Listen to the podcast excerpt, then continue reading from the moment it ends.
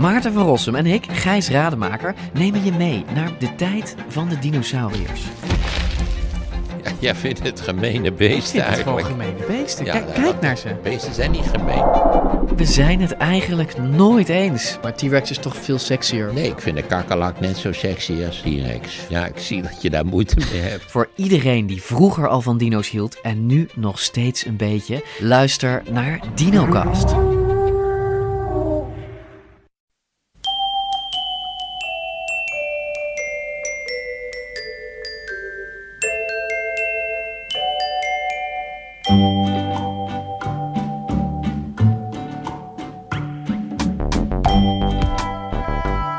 Welkom bij aflevering 301 van Echt Gebeurd, de podcast waarin waargebeurde verhalen worden verteld door de mensen die ze zelf hebben meegemaakt. Op deze donderdag voor Moederdag een verhaal dat Go Vermijd bij ons vertelde in december 2011.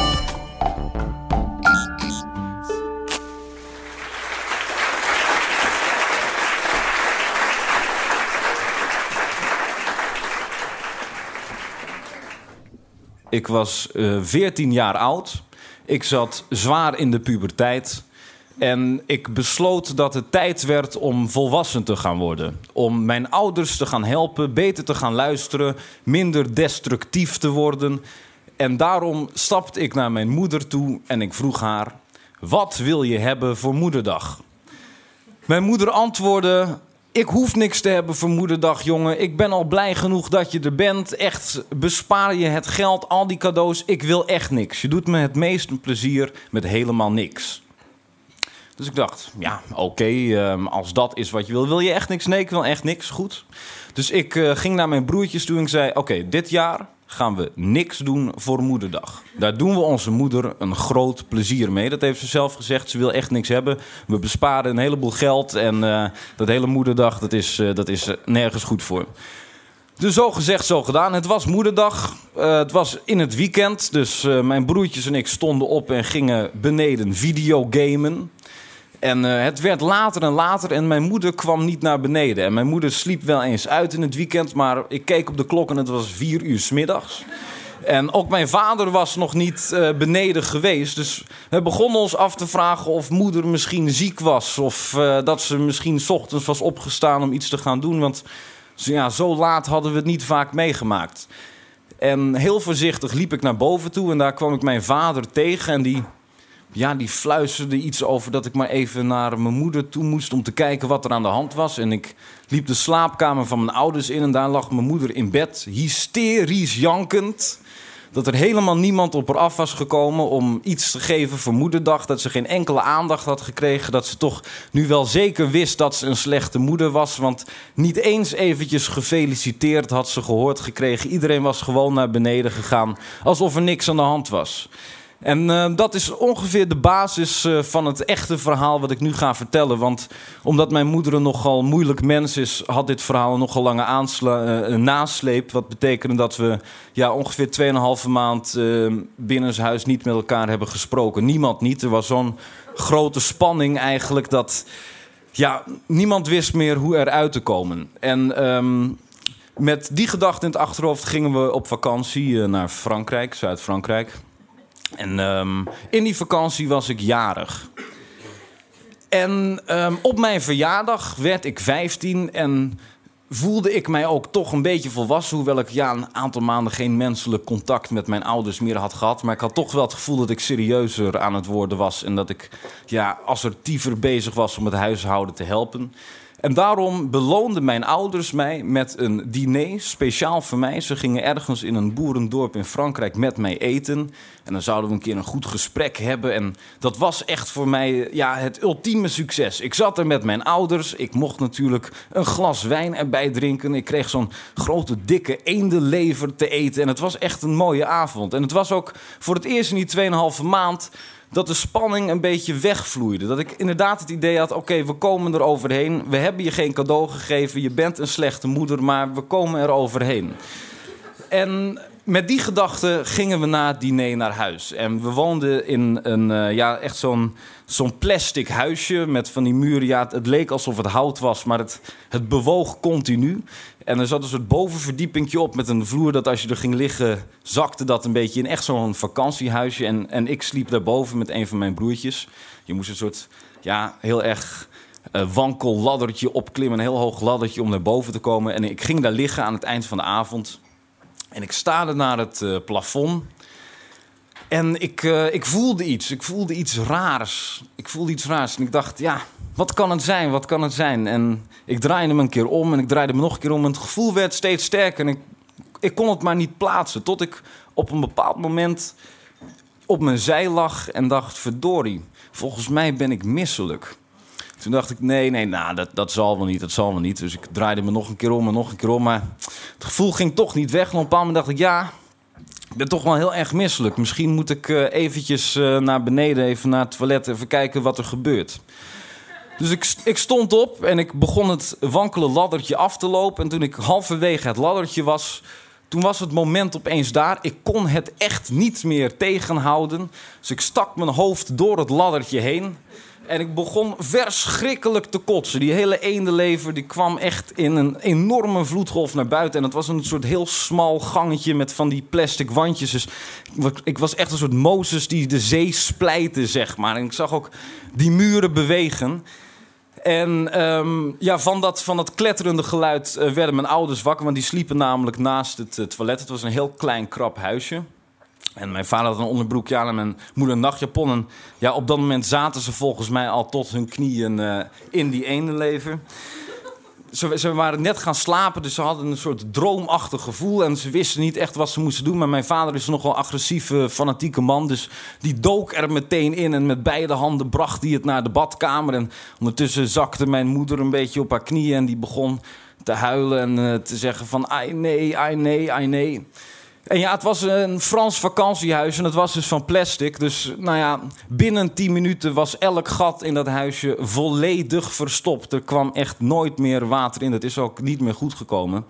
Dus uh, ja, we moesten die nacht um, de eigenaar van dat oord uh, wakker maken. En die heeft ons eigenhandig uh, de deur uitgezet. En toen zaten we een paar dagen eerder dan gepland terug in de auto naar Nederland. En dat was, uh, dat was natuurlijk een, helse rit. Uh, ja, niemand nam mij meer serieus en ik zelf al helemaal niet. En ik dacht, ik moet iets doen om deze situatie te redden. Ik moet op de een of andere manier een gebaar laten zien dat ik het toch allemaal goed bedoelde. En dat ik op de een of andere manier hier overheen zou komen. Samen met mijn ouders en met mijn broertjes.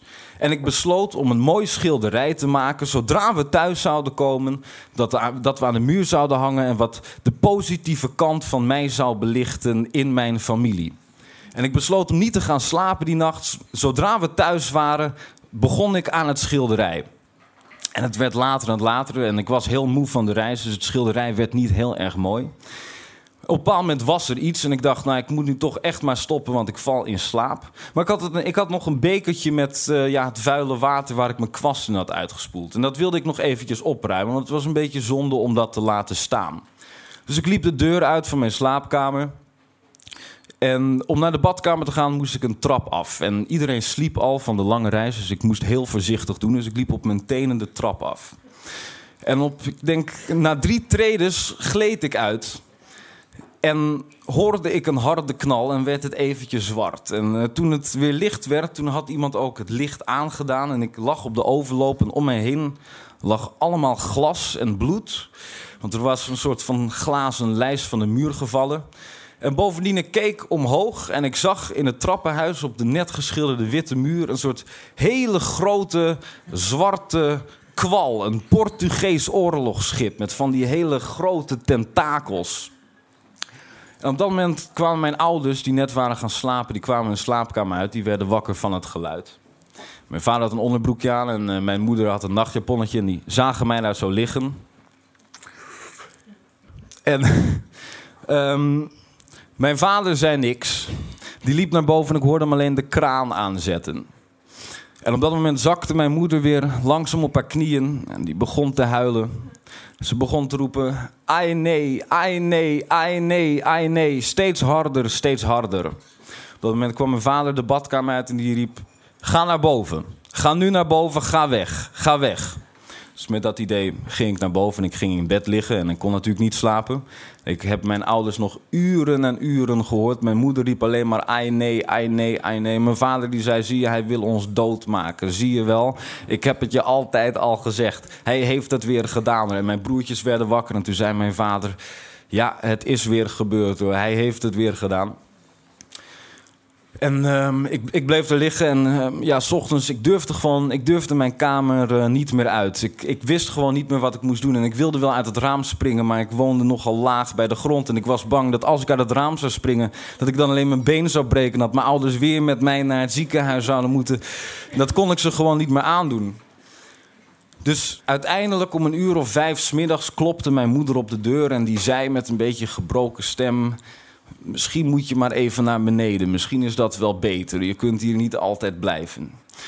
Dus oké, met een diepe zucht liep ik naar beneden. En daar op de keukentafel lagen minstens 30 cadeautjes voor mijn verjaardag. En um, ik heb de rest van de middag daar aan tafel gezeten om die cadeautjes uit te pakken. En ik heb uh, op dat moment besloten om uh, nooit, maar dan ook nooit meer een uh, goede bedoeling te hebben.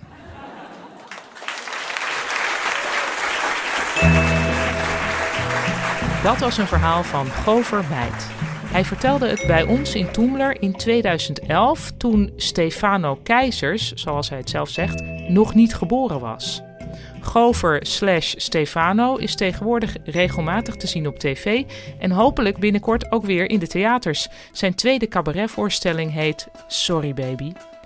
Voor wie onze laatste afleveringen gemist heeft, heb ik nieuws. Er is namelijk een echt gebeurd boek op komst. De titel is Echt gebeurd op papier en het bevat 75 verhalen uit ons rijke archief, want we bestaan inmiddels 12,5 jaar. Verdeeld over drie mooi geïllustreerde boekjes in een cassette. Tot 18 mei kun je dit voor een luttele 25 euro alvast vooruit bestellen via echtgebeurdopapier.nl. En vanaf 18 mei kun je het gewoon kopen bij je favoriete lokale boekhandel, ook online. Maar die bestellink voor de, de vroegboekkorting, zal ik maar even zeggen, die staat ook in de show notes. Ik zeg hem ook nog een keertje, echtgebeurdopapier.nl. De redactie van Echt Gebeurd bestaat uit Miga Wertheim, Rosa van Toledo, Maarten Westerveen en mijzelf, Paulien Cornelissen. Eva Zwaving doet de productie en Gijsbert van der Wal verzorgt deze podcast. En dit was dus alweer aflevering 301. Bedankt voor het luisteren en vergeet niet... Een Portugees oorlogsschip is een soort kwal die eigenlijk geen kwal is, maar een complexe kolonie van honderden polypen. Eigenlijk een soort gezin dus.